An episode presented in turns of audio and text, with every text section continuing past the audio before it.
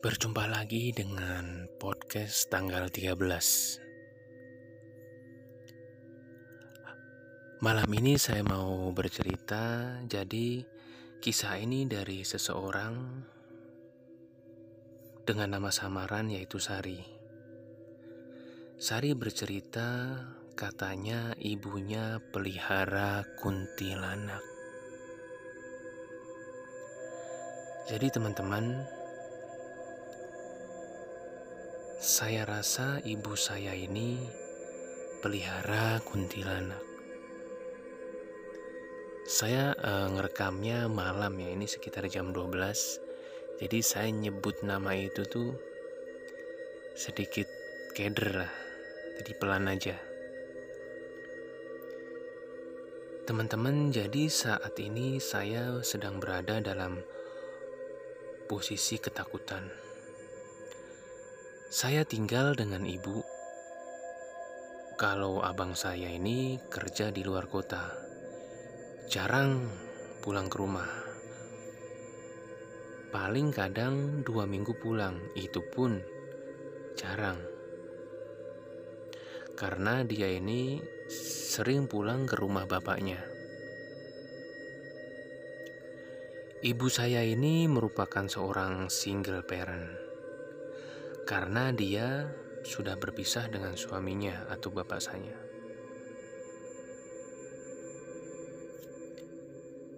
Oke, kembali lagi ke cerita saya.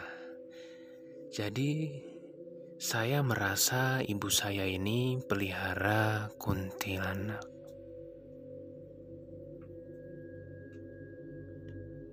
Kejadian yang pertama, Saya ini pernah buka pintu freezer lah di kulkas. Saya pernah lihat ada plastik kontainer kecil gitulah yang ada di kulkas. Di kontainer itu ada darah yang ditampung. Kemudian ibu saya ini juga sering beli daging segar, daging merah yang kemudian darahnya ditiriskan ke dalam kontainer kecil tadi. Kemudian kontainer itu disimpan ke dalam kulkas. Saya kira awalnya saya kira darah itu disimpan rapat agar tidak tumpah. Takut mungkin takut kulkasnya kotor. Itu yang uh, asumsi saya. Pada suatu malam, saya terbangun ingin ke kamar mandi, mau kencing. Karena kamar tidur saya ini tidak ada toiletnya, sedangkan toiletnya ada di dekat dapur. Ketika saya berjalan ke arah dapur, saya mendengar dalam hati saya bilang, astagfirullah. Bunyi apa itu? Bunyi itu datang dari dapur.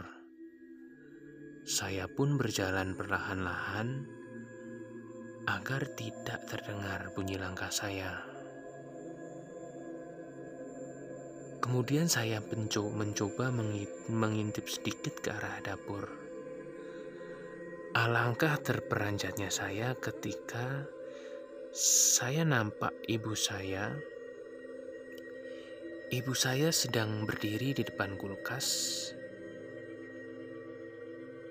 Dia berdiri di depan kulkas, sedang meminum darah bekas daging yang ditiriskan waktu itu. Dia sedang minum dengan lahapnya di depan saya.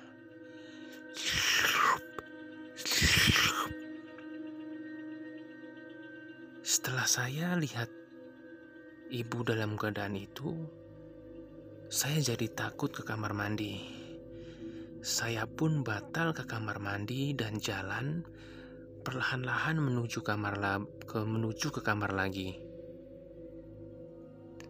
Sampai di depan pintu kamar, saya masuk ke dalam tutup pintu pelan-pelan dan kunci dari dalam.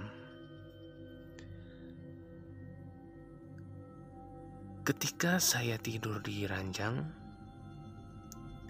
terdengar telapak kaki melangkah menuju kamar saya. Eh, tapi itu pasti ibu sedang menuju kamarnya. Gak mungkin ke kamar saya. Tetapi tidak. Tidak ke kamar ibu. Bayangkan, ketika sampai depan pintu kamar saya, saya dapat merasakan dalam keadaan ketakutan. Dalam keadaan ketakutan, saya bisa mendengar apa pun, bahkan suara kecil. Saya rasa ibu ini berdiri tepat di depan pintu kamar saya.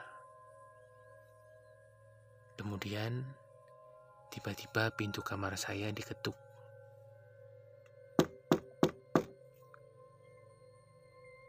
Sari, buka pintu, Sari.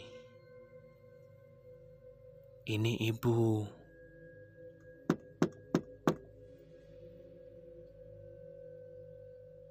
Sari, pintu buka, Sari.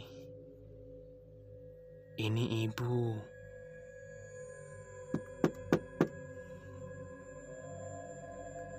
Ibu saya ketuk pintu dengan nada suara yang menakutkan.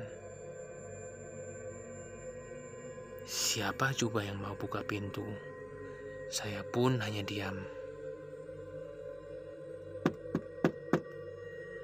Sari, buka pintu Sari.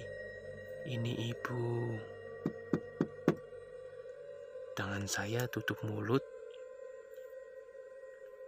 karena takut dengar suara ibu. Saya pun menangis.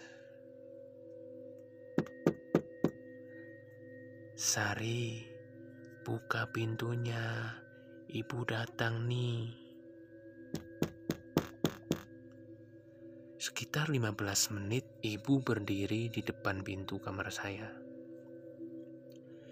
Saya di kamar duduk dalam keadaan ketakutan. Pada pagi harinya, Ibu semacam biasa aja, seolah tidak ada kejadian apa-apa semalam. Namun, ketika setelah maghrib sampai sebelum subuh, akan ada perbedaan pada perilaku ibu. Satu kejadian lagi di dalam rumah. Waktu itu sekitar jam 8. Sebelum jam 8, ibu saya normal. Perilakunya masih biasa. Saat itu saya sedang mengerjakan PR di ruang tamu sambil nonton TV. Ketika mengerjakan PR, tiba-tiba saya tertanya, mana pula ibuku ini? Kok kayak nggak ada ya? Saya pun mencari ibu. Saya ke dapur nggak ada orang. Ke kamar nggak ada orang. Ke mana ibu kini?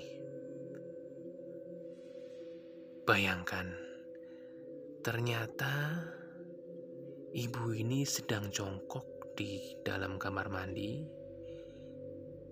Dia sedang makan daging mentah.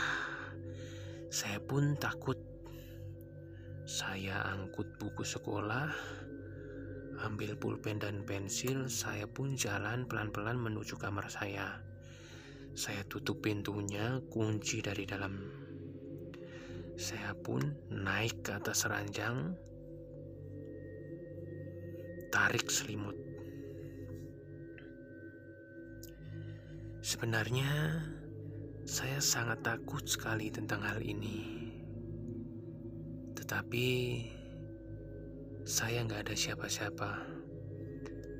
Bapak nggak ada, abang pun jarang pulang ke rumah. Tetapi Saya kasihan kalau meninggalkan ibu sendiri. Mau kasih tahu nenek, hubungan nenek dengan ibu sedang gak baik. Ibu dan nenek sedang bertengkar. Siapa juga yang bisa kasih pertolongan? Kurang lebih seperti itu cerita dari saya. Terima kasih.